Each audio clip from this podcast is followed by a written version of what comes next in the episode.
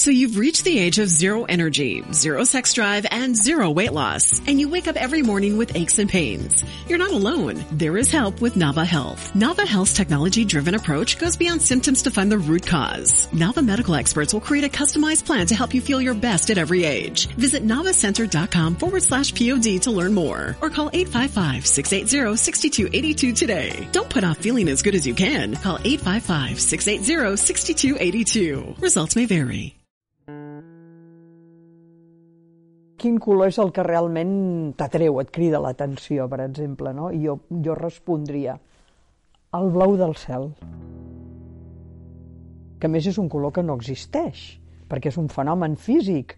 Jo, jo, jo el trobo fenomenal, perquè a més a més és com una pantalla lluminosa que en el, això, tornant a el que deia abans, que en el pas de les hores del dia va canviant de to, fins que arriba aquell to tan interessant que és el capvespre, que pràcticament no hi ha llum, que hi ha aquell blau que és una passada, és com una, és una pantalla d'un blau fabulós. Sabeu què vull dir? Un blau, un blau nit, que pràcticament, no? Doncs això, m'interessa molt pensar que mm, el, el, aquest dit blau cel en realitat és un, és un fenomen atmosfèric perquè eh, diguéssim, l'atmosfera està plena de, de, de partícules en suspensió i els ratxos de, de, de, del sol eh, que van del blanc, al vermell, al blau, resulta que el blau és el que té més força i és el que treu la llum i reflexa sobre les partícules i deixa veure d'una manera molt difuminada el, el blau. Però vull dir que és un efecte òptic, que no, no és real. bueno, com tot, ja sabeu que el color no existeix. És, és, és, és un efecte creat pel nostre cervell, vaja, per el nervi òptic i pel nostre cervell, això em fascina. O sigui, em, em fascina tot el que és pues, la realitat, on estem posats, diguem-ho així, això ho trobo molt interessant.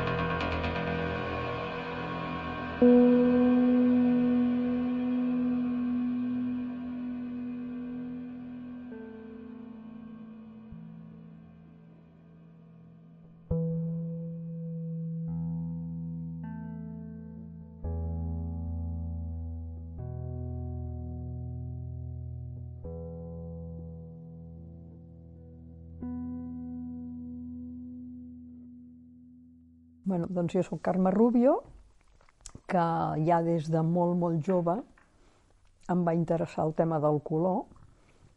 L'any 69 vaig entrar a l'escola Massana per fer disseny tèxtil i quan vaig descobrir, anys més tard, que a l'escola Eina hi havia el director, Albert Ràfols Casamada, que tenia una assignatura que era color, eh, vaig decidir doncs, a, a, bueno, anar a l'escola Eina i clar, color, tot sol mm, havies de triar alguna matèria que d'alguna manera suportés o acompanyés no? el, el color.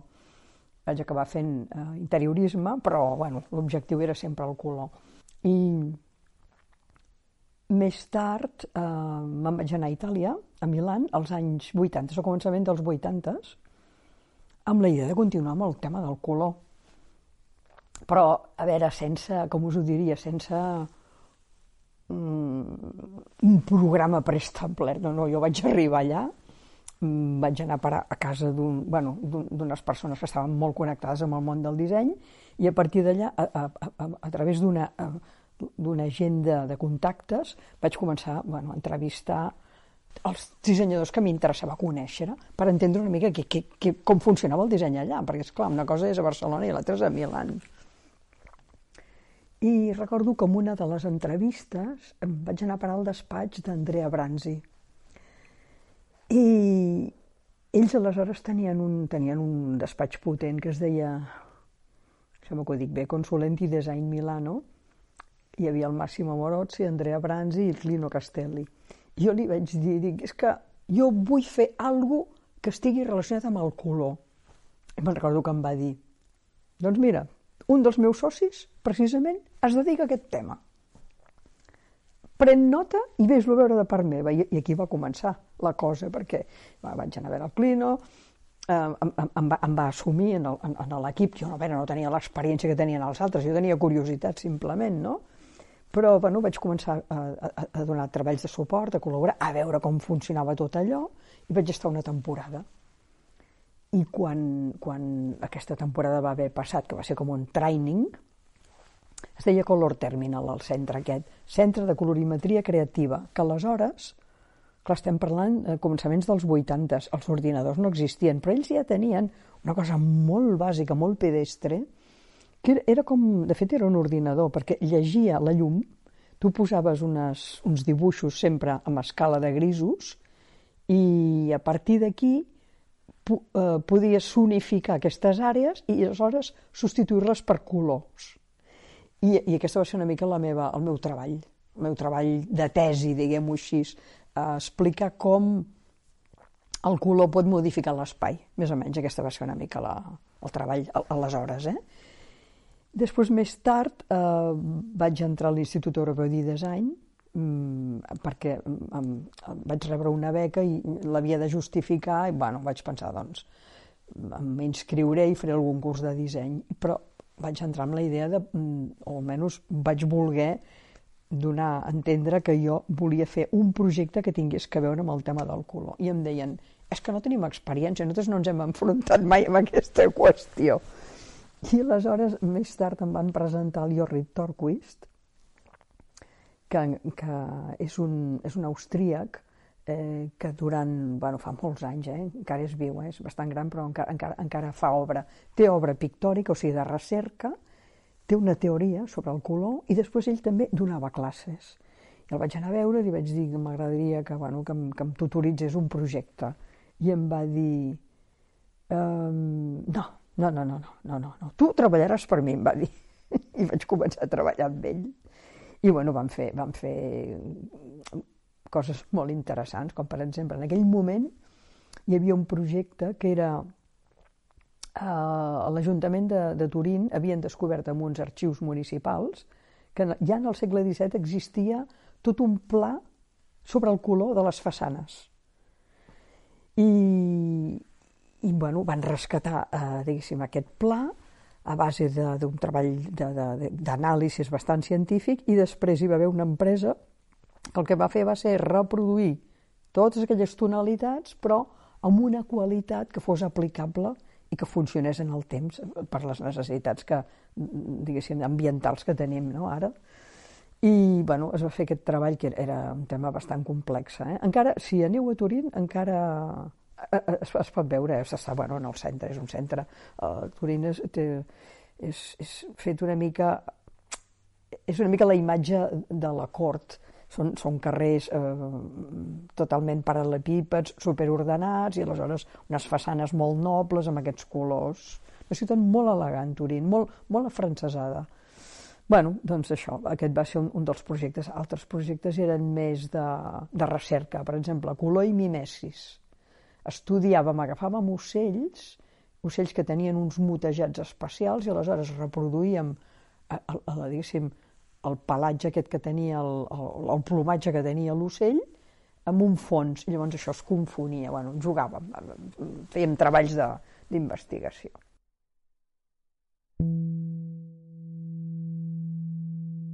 el, el que va fundar aquest, aquest, aquest, aquest centre venia de la Fiat, també.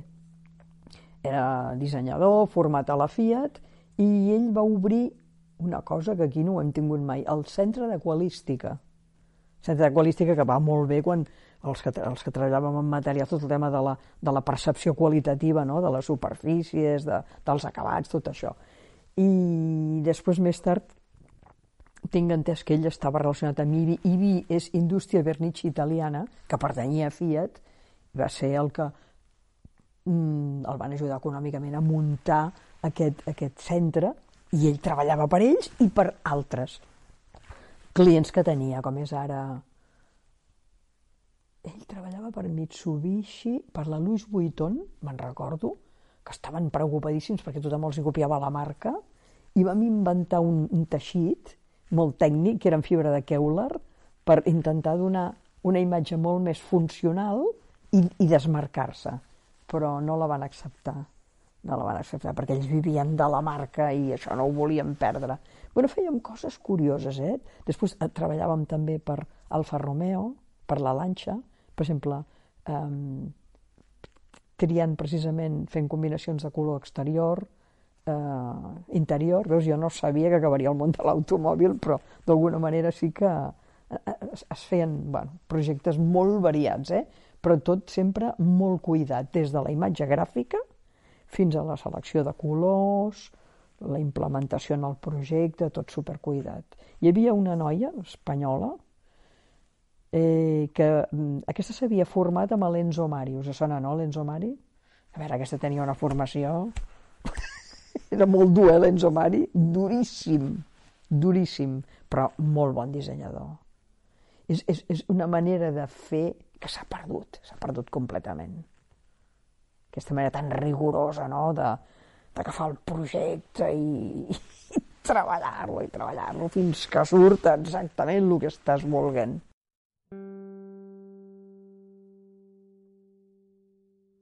a casa sempre es havia respirat molt la cultura italiana, perquè el meu pare, el meu pare era enginyer de, de l'automòbil i quan, diguéssim, bueno, pràcticament dels enginyers joves fundadors de SEAT, eh, li va tocar anar a Turín. I, i, hi va haver un moment en què va decidir que fèiem un viatge a Itàlia, això va ser l'any 69, que per mi va ser iniciàtic aquell viatge, un viatge de, de nord a sud, acaba veient molt, molt tard. A veure, jo sense cap formació prèvia, perquè a l'escola no ens havien parlat ni d'escultura ni de pintura, però jo ja em vaig comprar un llibre que va ser com una mica la meva guia, i esclar, després ho veies al natural, i era impressionant. És la millor manera d'aprendre història, eh? sobre el lloc. I això em va marcar molt, jo crec. Eh? Jo després ho he vist, eh? potser en el moment no n'ets conscient, no?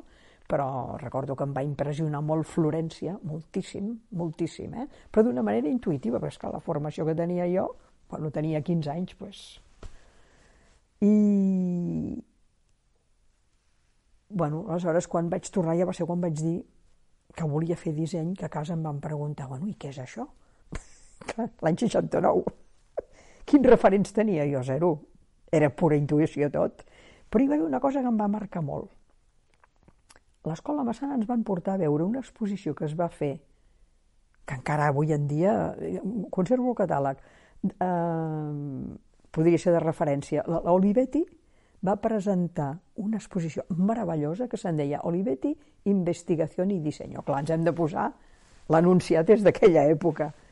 Però era impressionant perquè explicaven la gràfica, el producte, o sigui, tot el desenvolupament global eh, de la marca, que es més amb grans noms, eh? Ettore Sotzas, després em sembla que hi havia el Milton Glaser per allà al mix, etc.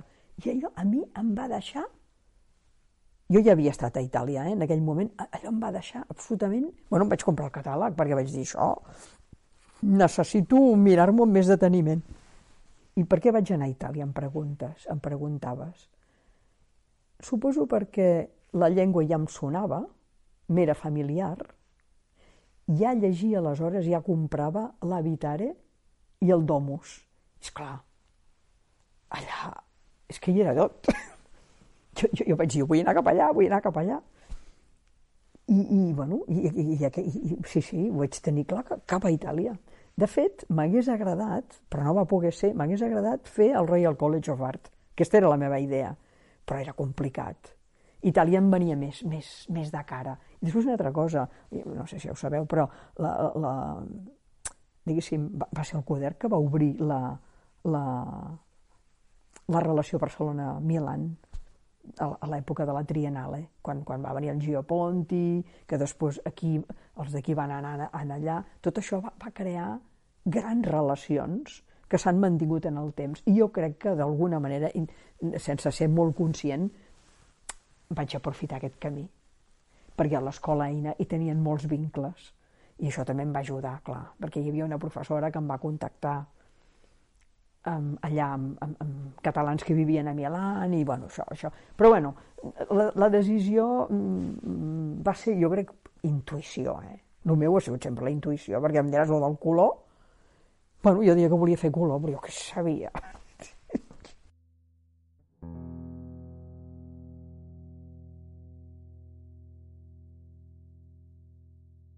Vaig, vaig, entrar, vaig entrar en contacte a través d'una professora d'EINA em va, em va contactar bueno, amb una família que vaig anar, però al, al mateix temps em va posar en contacte amb Belgioioso, us sona?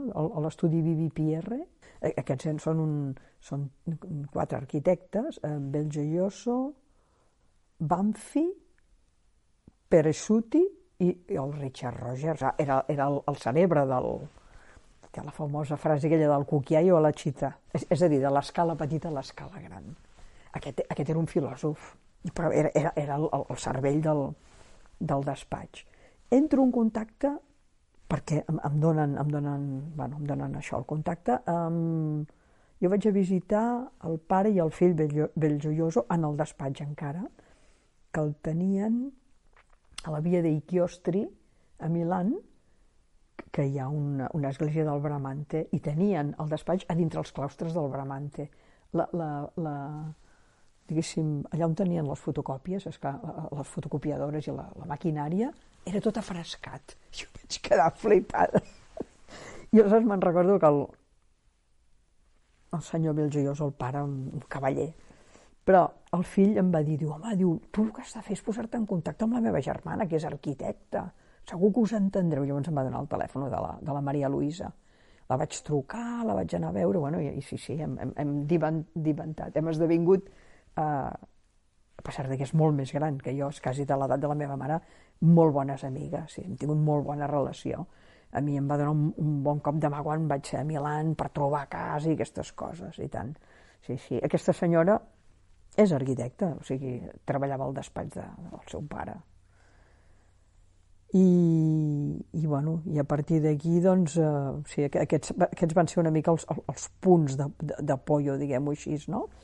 I després a partir d'aquí, doncs, bueno, l'escola, començar bueno, entrar una mica en contacte doncs, amb, amb gent sempre del món de, del disseny, més o menys. Era una època, Milan, parlo dels, primers dels 80, molt diferent de com són ara les coses. Eh, venien, aquí no ho varen viure, venien del maig del 68 i la gent era molt oberta. Les cases estaven obertes a la gent. I aleshores hi havia molta relació, molta. Moltes trobades, moltes festes, bueno, molta vida social, intensíssima. Això és una cosa que s'ha perdut, eh? Els últims anys s'ha perdut bastant tot això. Clar, això propiciava moltes coses. Eh, una vida cultural molt intensa com té Milan. Milan és una ciutat d'un gran nivell cultural. Una ciutat discreta, aparentment, sembla que no hi passi res, però hi ha un substrat important, sí, sí. I clar, tot això també per mi ha estat molt important, eh? Parlar amb la gent, escoltar, veure com són gent bastant llegida, saben, coneixen, expliquen bé les coses. És molt estimulant, eh? Molt estimulant. Això, això és una cosa que em va encantar. Que, bueno, me la vaig trobar. No la buscava, va sorgir, no? Una de les coses que m'encantava era el Politécnic de Milan. Hi havia arquitectes d'aquests d'alt nivell que anaven a fer classes magistrals i jo m'apuntava, perquè més em vaig, em vaig inscriure i m'arribaven a m'enviaven a casa una targeta postal preciosa que em convidaven a anar-hi. I jo agafava el metro i cap al Politécnic. I recordo, el, per exemple, el, l'Aquile Castiglioni. Ostres, és que era impressionant allò. Era, era una vivència, era una vivència de disseny. Perquè et, et mostrava el producte, però te l'explicava, com l'havia pensat, com el feia servir. Bueno, era impressionant. Sí, era una experiència, diguem-ho així. Jo, ara, jo ara ho veig, eh? En aquella època ni me n'adonava, jo hi anava i m'agradava i tal. Però ara penso, ostres, quina sort vaig tenir de poder caçar tot això, no? Vull dir, sí, sí. Ara, jo el que penso és que hi ha hagut una preocupació tan gran en general, eh? que ens hem perdut una mica tots amb el tema dels diners, que tothom només veu diners, que no veu res més. Jo crec que hem, hem, hem perdut el nord, hem perdut el discurs. Tot, tot és com molt, molt immediat, molt ara, molt aquí, però sobretot molt això, veure, quin rendiment li puc treure jo del tema? Hi aquesta preocupació del, del, del benefici. Tot, tot ha de tenir benefici. No, no, hòstia, no ho fotem, no. No tot ha de tenir benefici. Hi ha coses que és el gust per, per les coses ben fetes. Jo penso que una mica, per això dèiem, perdut el nord. Crec que, a veure, és una opinió molt personal, eh? puc estar equivocada, eh?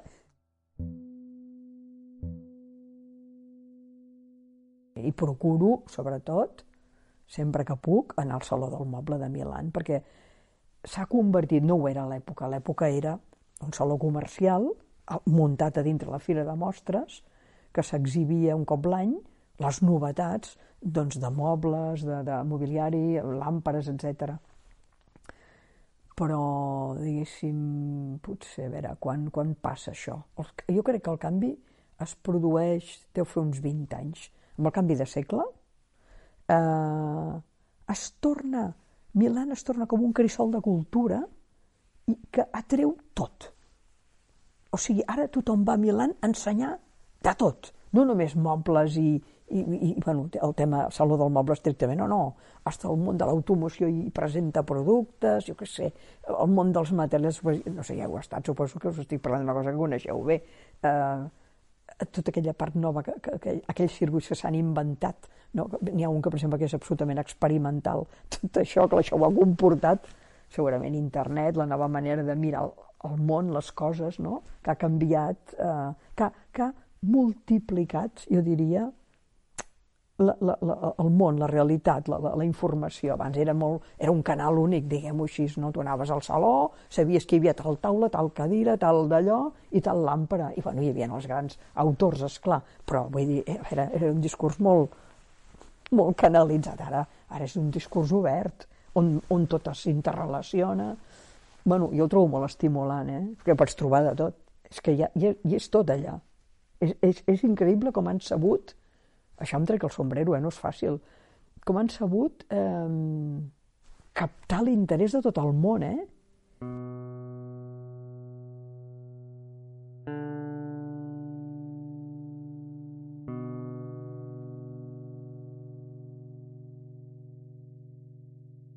I, bueno, mm, vaig passar tota aquesta temporada, vaig seguir fent l'escola, vaig fer un projecte, de, de, de, vaig fer disseny industrial, un projecte per B&B Itàlia,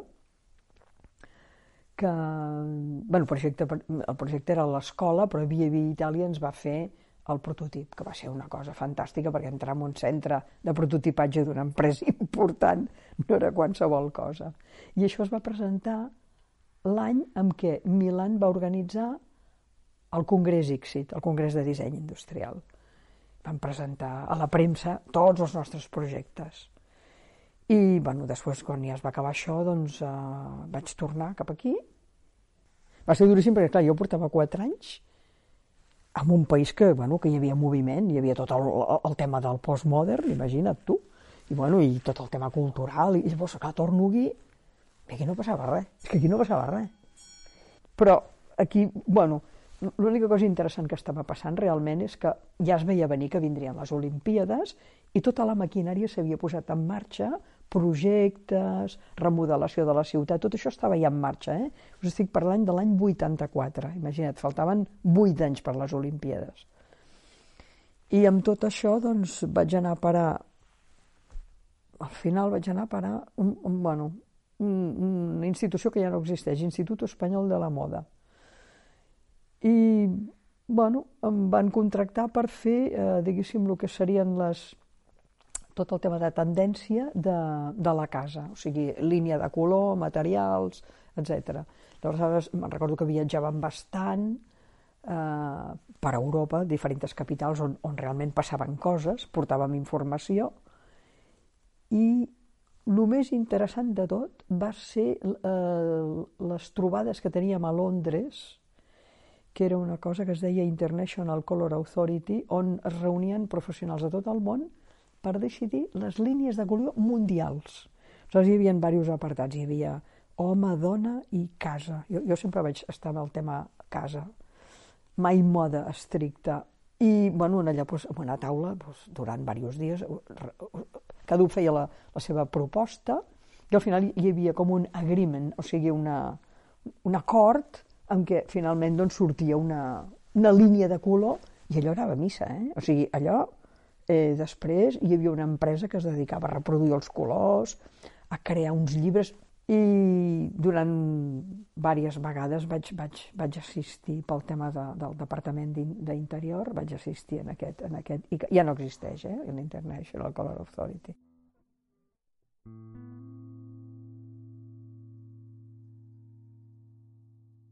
Eh, hi va haver un moment que em, em van fer rescatar el projecte que havia fet a Milan, va anar a Madrid, el van cedir, els italians, estava eh, dipositat a Via Via Itàlia, prototip va viatjar a Madrid, perquè es va muntar una cosa que se'n deia Proyectos Inéditos de Diseño Espanyol.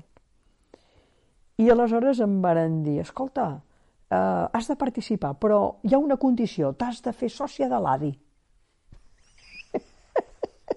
Això devia ser l'any 85, no sé, ja no me'n recordo. I sí, sí, em vaig fer sòcia de l'ADI, sí, sí, allà va començar la història. Llavors jo li vaig dir, amb una condició, meu, meu de fer, la, meu de patentar el, el, el, el projecte. I sí, sí, es va patentar, el que passa que ja, ja deu haver expirat el patent, perquè estem parlant de molts anys, i, i, i al final no es, va, no es va arribar a produir mai.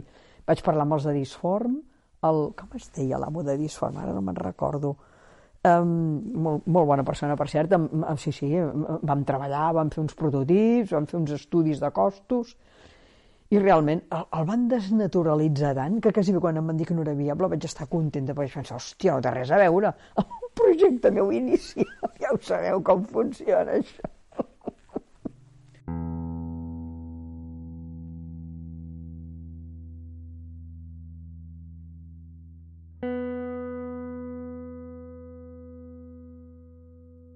Després, més tard, vaig col·laborar, a Barcelona sempre, amb, amb, i, com es deien, Associate Designers, que són els autors del pavater olímpic. Eh, amb ells vaig col·laborar un parell d'anys, estaven remodelant tota la imatge de, de Renfe i, bueno, clar, hi havia tot el tema de l'AVE en marxa.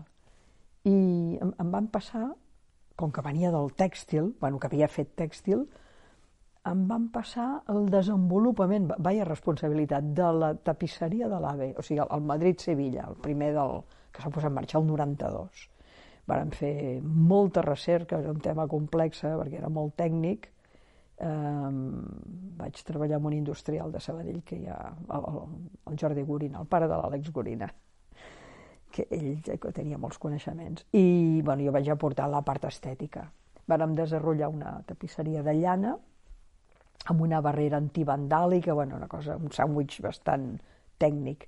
I mm, després, més tard, mm, les coses van anar canviant. Jo vaig marxar, va ser quan vaig entrar a SEAT, el meu pare em va dir, diu, la Vanguardia, eh, hi ha un, un anunci que estan ampliant el departament de disseny. Em va dir, diu, això segur que t'interessa a tu, em va dir. I llavors vaig parlar, em sembla que ja és mort, amb el Joan Sunyol, que era professor de la, de la Massana, i jo ensenyava a la Massana en aquella època. I vaig dir, dic, Joan, tu... Perquè ell, ell havia, havia col·laborat amb el Departament de Disseny de SET. Dic, dic SET estan ampliant. Dic, què, què, què m'aconselles que faci? Diu, el que no has de fer, em va dir, diu, és escriure una carta. Diu, perquè anirà amb una paperera. El que has de fer és trucar i anar-los a veure. I, i, I ho vaig fer. Vaig trucar, me recordo que el Martí de Serra, que era el, el, el director, bueno, el redactor i el fundador, també estava de baixa, doncs el, el Carlos em va rebre. Em va rebre, i jo, clar, jo em vaig presentar allà amb un supercurrículum. I, I, bueno, em va dir, home, és molt interessant això que fas, hem, hem de mirar a veure com podries encaixar en l'equip. Bueno, li semblava que era una mica complicat el tema. Però al cap d'uns mesos em van trucar i em van dir que sí, sí, que, que em presentés que, bueno, que, que, que volien que, que, que m'incorporés. I quan vaig arribar a set doncs, hi havia ja tota la maquinària de les Olimpíades estava en marxa, hi havia projectes... Era un moment d'ebullició en aquest país, eh? Es va moure molta cosa en aquell moment, que hi havia aquest objectiu tan important. I, bueno, vam fer, vam fer l'Ibiza Olímpico. Però, bueno, a veure, va ser un revestiment de color i materials, perquè el, el, projecte existia i aleshores ens van demanar que, que vestíssim el cotxe d'acord una mica doncs, amb, el, amb, amb l'estètica de, de les Olimpíades. Era una carrosseria eh, de, de l'Ibiza, la, la tradicional, el que passa que era pues, pintat i, i, i forrat, pintat de... Eh, era blanc. Era blanc i llavors portava el, el, el logo olímpic. I, I a dintre hi havia una combinació de colors bastant estridents, com són els colors olímpics, de les anelles olímpiques, i estava fet amb un material que jo coneixia perquè l'havia treballat a Itàlia, el vaig proposar jo, que és el cantara, que potser us sona, que és una imitació de, de la pell. Bueno, va, ser la gran novedat, un set vestit del cantara. Bueno, això. O sigui, era com... I després, bueno, després o no, després varen fer, van fer el Toledo, el, el Toledo que va néixer en aquella època, era un, des, un desenvolupament nou, i també mm, va ser el cotxe oficial de les Olimpíades. Seat en va regalar no sé quants, com, com els cotxes que es feien servir per, per, bueno, durant les Olimpíades.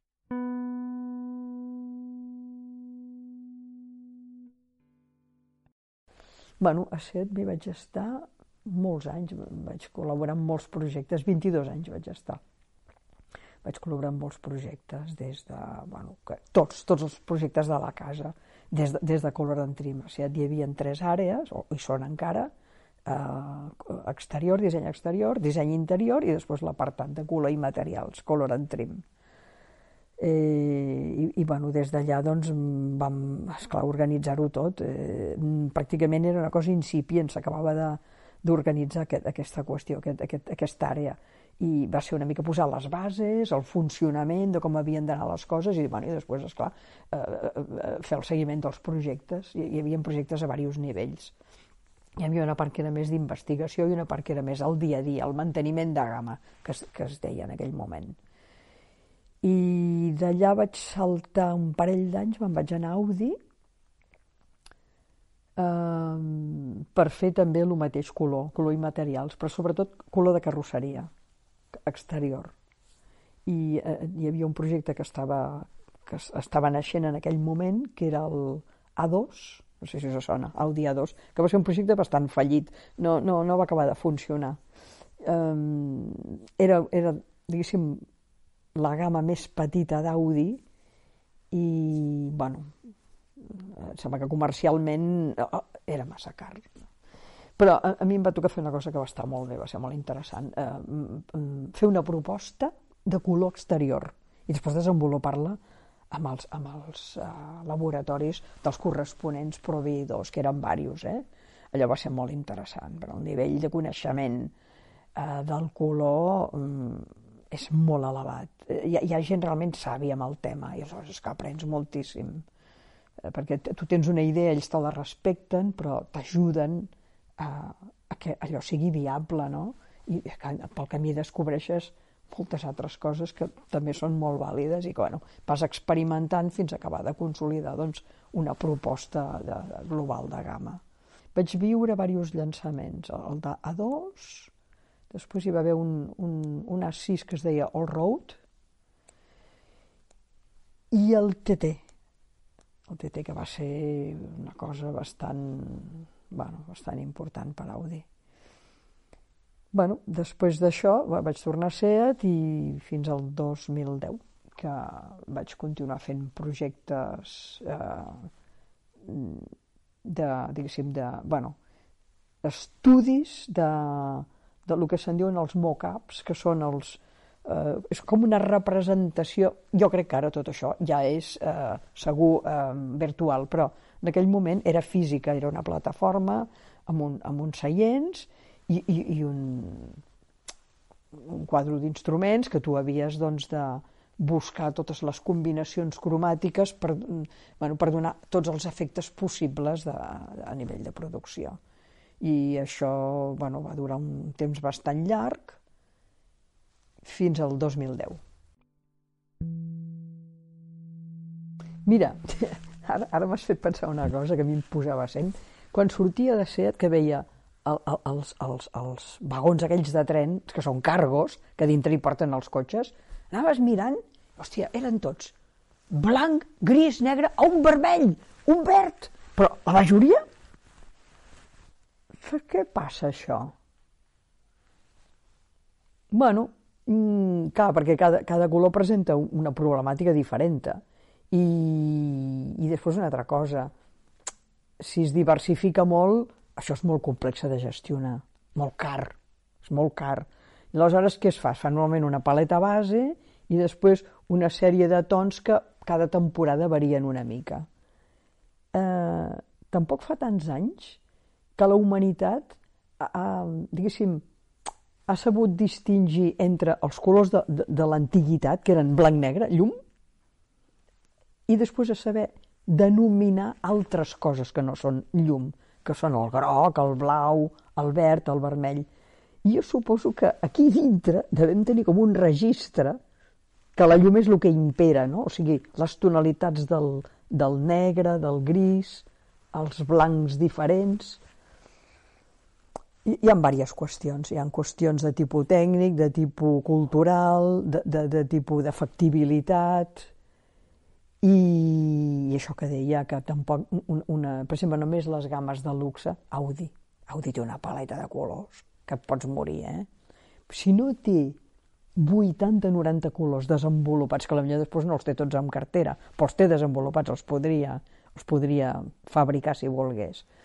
Això només es dona a les marques de luxe. Les marques tipus Seat o, no sé, o Renault, que són marques mmm, diguéssim, de, de, de gran consum, de grans volums, amb, amb, amb cotxes d'un cost més, més contingut. Eh, el, el, el, per exemple, la paleta de color és més cara que, la, que, la, que, que el to blanc o els tons que no són metal·litzats. Aleshores, eh, si per fer viable la producció el que fan és una cosa que se'n diu un mix. O sigui, agafen tots els costos de, de tots, to, to, tots els processos de tots els colors, que cada un té un cost diferent i una vi, vi, viabilitat diferent, i aleshores fan un mix. So, és tema de números. Finalment és un tema de costos. És això. Jo pensava, quina colla de macarres. Ens canvien la feina, exacte. El tuning, hòstia, el tuning. Com el tuning, sí, sí. Es vivia fatal, això. Perquè, a més a més, a veure, tu havies treballat d'una manera, ara és que eh, durament per intentar obtenir, no sé, per exemple, tenia l'obsessió que tot el que és el, la part de, de, diguéssim, de, del quadre d'instruments de la part de davant ha de ser mate, o, o t'has d'acostar als mates per, per tema de reflexes, per confort visual, no sé què. Tot això s'ho passaven pel forro, s'ho carregaven tot. Tu havies estat allà treballant, discutint amb, amb, amb, d'allò, amb, amb qualitat, no?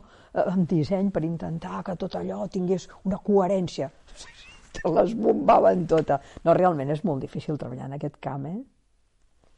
És molt difícil perquè has de controlar tants paràmetres que en el procés alguns d'ells se t'escapen encara que no vulguis.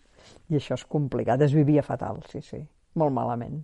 I moltes vegades passava una altra cosa, que aquesta, aquesta ja era miserable. Per exemple, un, un teixit que havíem descartat, que havia anat a parar, en teoria, a la basura, sortia després a través d'un subproveedor que el reciclava pel túnel i dius, hòstia, no! Però si això ho havíem descartat. Coses d'aquestes passaven, eh?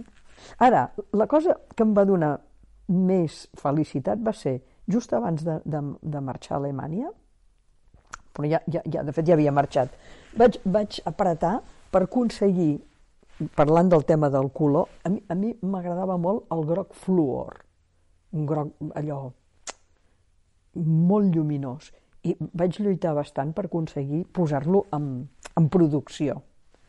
Proveïdor em va ajudar molt, eh, perquè hi havia un tema de cobrició, perquè era, era un pigment que era molt, era orgànic, els pigments orgànics tenen poca cobrició, que això és un problema. Poder cobrir et que es diu. Això era un problema. Llavors em van ajudar molt per intentar subsanar una sèrie de, de qüestions de factibilitat per, per, per arribar a produir-lo. I al final el van aprovar i s'ha posat en marxa. Però jo vaig marxar, me'n vaig anar. I me'n recordo que estava al poste del poble on vivia, carregant de benzina el cotxe, i s'atura al meu costat el, el, el, el, d'allò, com es deia, l'arossa, pintant d'aquest color. Hòstia, em va agafar una emoció tremenda. és un objecte que es mou, que et traslada. Clar, això és, és fascinant, i tant. Sí, sí. que passa que ara, ara que anem a la mobilitat neta, no sé si serà tan fascinant el tema, no? Jo crec que canviarà, no?, la manera d'entendre de, el, el, el traslladar-se. Serà més una cosa, jo diria, funcional, que vas d'un punt a un altre, però no tindrà aquesta fascinació que tenien els cotxes dels anys 50. Jo crec que això ha passat a la història, no?, una mica.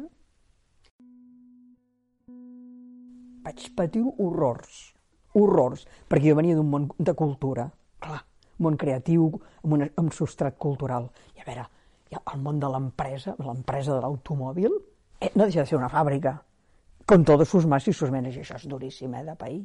Això sí que ho vaig patir, hòstia. Que jo venia d'Eina, una formació més aviat cultural. Havia passat per Milan, a veure, m'havia bregat amb, amb ambients, això. I després confronta't, bueno, amb un món de fàbrica, en definitiva. Hòstia, això va ser duríssim.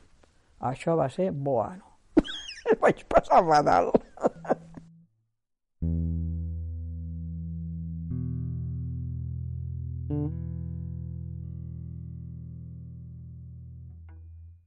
Meva mare no n'era conscient, però tenia la casa plena d'objectes de disseny. Ella no ho sabia, però comprava coses de disseny. Jo crec que això també em devia marcar. Els meus germans a l'habitació tenien... Hi havia com una taula molt gran, o sigui, hi havia dos, dos llits així, i una taula molt gran, i hi havia, cada un per llegir tenia la seva festa. Després... Ah, després jo me'n recordo... Ah, sí, va, les aixetes. Les aixetes estan al Museu del Disseny. Les aixetes del bany, tot el conjunt, eh? És, és, un, és un delta d'or de, de l'any, crec, de l'any 65, jo diria. Uh, no sé si et sona Josep Marlet. És, mm, són unes aixetes uh, cilíndriques. Bueno, seria l'antiergonomia, eh? Però uns cilindres perfectes, eh, per exemple, els mandos de la banyera, eh, porta com un quadre, van, van posats, eh, cada un té un color diferent, perquè banyera, sortida de, de la dutxa, etc. Després, el, el lavabo, oblida't tot. Això està al Museu del Disseny, ho, ho, vaig, ho vaig, vaig fer una donació, van estar, es van emocionar, perquè es van pensar que ja no en trobarien mai cap. Va, van funcionar durant 50 anys i no es van espatllar mai. Eren de ser inoxidable pur, i el mecanisme era tot nylon. Imagina't, l'any 65, eh? Bueno, Eh, aquest era un dels objectes importants, jo crec que hi havia, i què més hi havia? Mm, sí, hi havia, hi havia coses, eh, per exemple, la coberteria, la coberteria venia de Turín, era, era italiana, la coberteria que fèiem servir tota la vida, no? O bé, què més hi havia? Mm, hi havia objectes molt gust anys 70, com és ara bueno, una, una marca que ja no existeix de ceràmica, que es deia Gavianelli, que segur que bueno, potser us sona. Gavianelli va ser una icona eh, a l'època. bueno, coses així, coses... Després, l'Ampres, l'Ampres de l'Andrés Ricard, que també l'he donat al Museu del Disseny. Una làmpara feta per Metalarte, molt ben feta, per cert, per l'època. Una peça estampada, metàl·lica, així amb una obertura d'aquest tipus, que porta com una mena de reflector, i després encaixat hi va un globo. I després, jo, en aquella època, que, que encara estava a la Massana, me'n recordo que anava molt, no sé per què em va agafar la mania, de visitar eh, Disform, que no sé si us sona, que era un productor de disseny.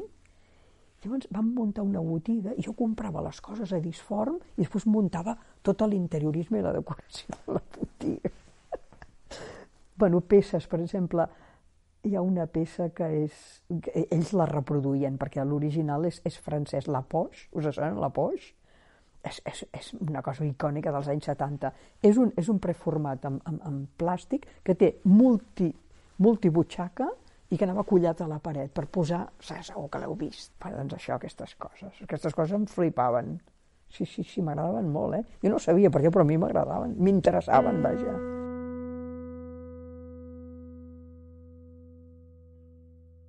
Donava mil anys, jo trobo, la diferència nostra, és eh, diferents dissenyadors, cada un orientat una mica amb la seva manera de fer, però sempre a sota hi havia un substrat cultural molt important, eh? Això sí, és veritat. Mm, tots proposaven coses, eh, no sabria com, com sintetitzar-ho, no sé, per exemple, el cas, el cas del, de l'Ettore Sotzas amb la, amb la màquina d'escriure la, la, la Valentina d'Olivetti, tornem a Olivetti, en els anys, eh, els anys 70.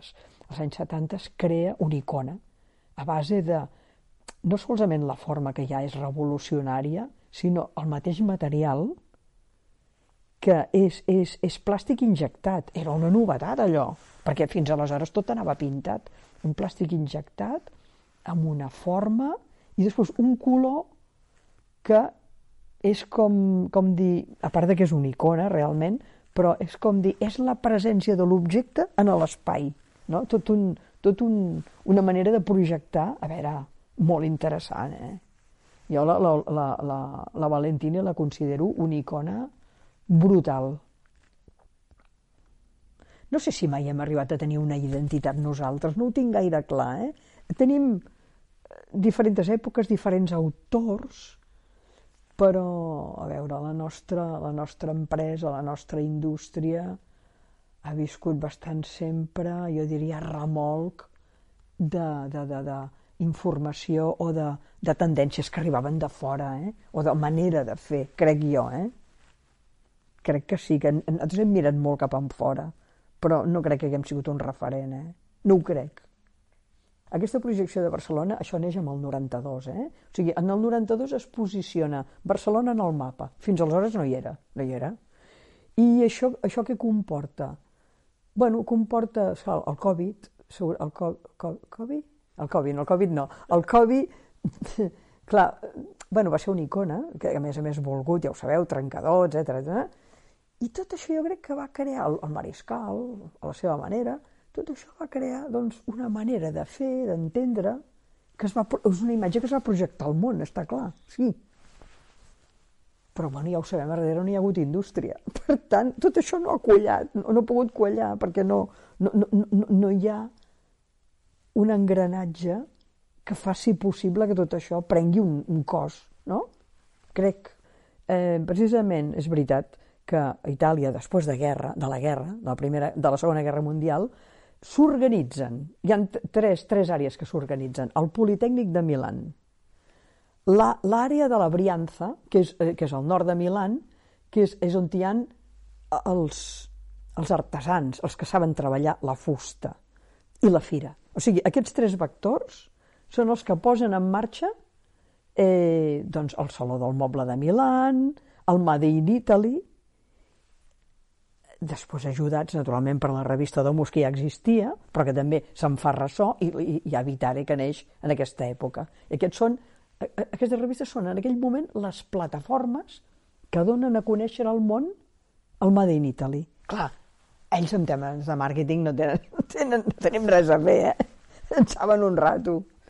I, i això és el, que, és el que ha evolucionat en el temps tot el que després hem anat veient, però les bases són aquestes, sí, sí, és veritat.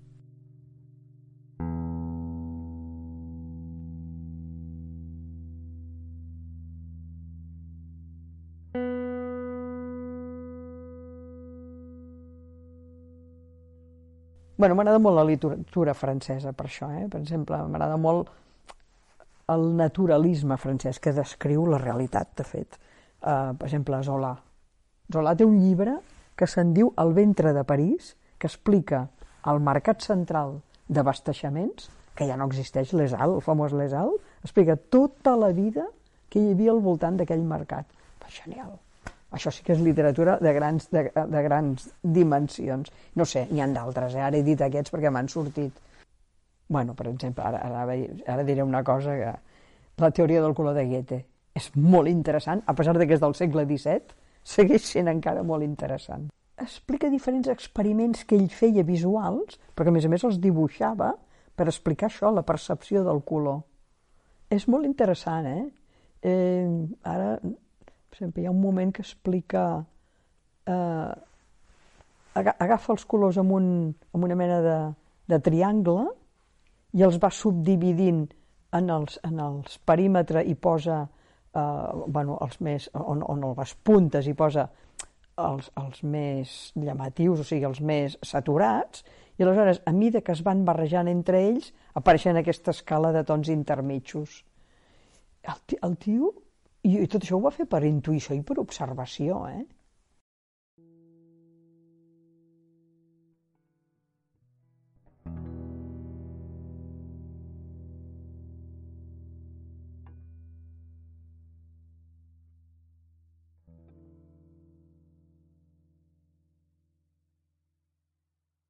El secret és la llum.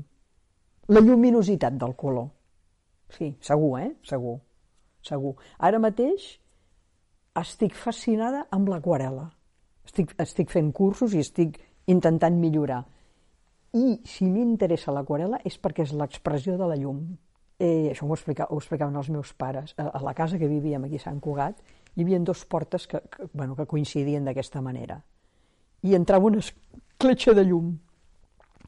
Jo un dia em vaig, em vaig ajupir a collir aquells raigs de llum. Vol dir que la llum m'ha fascinat sempre.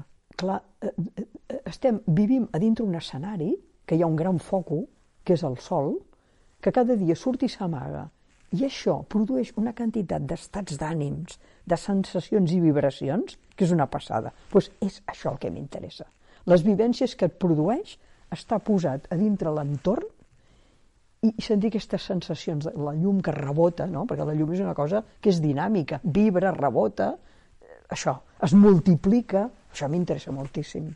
Però és interessant, és el fenomen el que és interessant. Això altre que dius tu és una visió industrial, és la manera de serialitzar un color que sigui sempre aquell i no un altre. És això, és una visió industrial. Que això ho explicava, sí que ho explicava, deia, en els nens, quan, quan a, a l'escola els ensenyem a barrejar, per exemple, el, el, el, el groc i el blau, i que surt un verd, eh, bueno, eh, és una convenció que els, els, fem, els fem entrar en una, en una convenció per, perquè entenguin el món, o sigui, els estem condicionant, perquè és molt més complexa que tot això, no?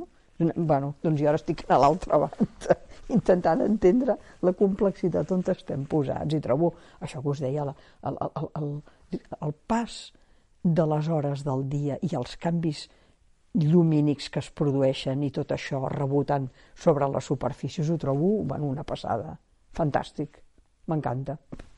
Em té fascinada. Bueno, ja de petit em tenia fascinada perquè em vaig ajupir a collir un raig de llum, doncs vol dir que la llum sempre m'ha fascinat, m'agrada.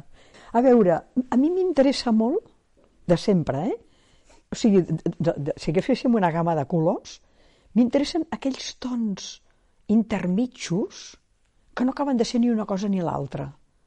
Saps? Vull dir, per exemple, amb la teoria a vegades acabes barrejant els oposats i aconseguint eh, tonalitats que poden ser mm, mig neutres o, o que inclús s'anulin entre ells. Doncs aconseguir aquesta gamma de tons verds grisos, beixos, això és fascinant, eh? Això m'agrada molt, no? Aquest camp dels neutres que són però no són, eh? Però és que això és aplicable a tot, pel vestir és perfecte, per, per fer una casa també. Perquè eh, hi entra el to d'una manera molt continguda, però també la llum. A veure, una, una presència d'un color molt potent és que no s'aguanta. T'acabes cansant. Pots tenir un, re, un, un accent, però vull dir, si és una cosa en superfície, jo m'estimo més eh, això, els tons aquests d'aigua, no, no d'aigua barreig, tampoc bruts, eh? No, no, no, la paraula no és bruts. Aquests grisos, hi hi ha un color que m'encanta, que és el, el, les ametlles, quan, quan, quan, quan es cullen, que tenen, que tenen aquella mena de, de... La pell aquesta, que és aquest verd, que sembla com un vellut, genial, el trobo sensacional. El to i la textura que té allò, buah, una passada. A veure, la natura és que ens dona tota la informació, només cal estar una mica al tanto. Cada latitud exacta té els seus colors, però això va d'acord també amb la llum, eh? Per exemple, al Japó, que fan servir les paletes dels japonesos, són sempre aquests tons que a mi m'agraden, aquests tons grisos, mig clar, mig fosc, una cosa bastant continguda, els, els hi ve de, de, de, de l'atmosfera que tenen, que són, és una atmosfera molt humida, que aleshores crea com una fa com un aire, bueno, ple, ple, eh, diguéssim que difumina el color, per entendre'ns, no? És curiós un, una cosa que explicava del Japó. Al Japó, als anys 30, van decidir posar semàforos eh, peatonals. Però, clar, ells culturalment eh, tenien una paraula que es diu AO, que va del, del verd al blau sense, sense, diguéssim, dividir les àrees, no? AO. I què els hi va passar? Que, clar, van, van, el van comprar als Estats Units, clar, el, el verd del semàfor internacional és un verd diferent d'aquest que ells entenen. I aleshores, eh, aleshores va arribar un moment que van dividir, van, va néixer el Midori. El Midori separava els verds dels blaus.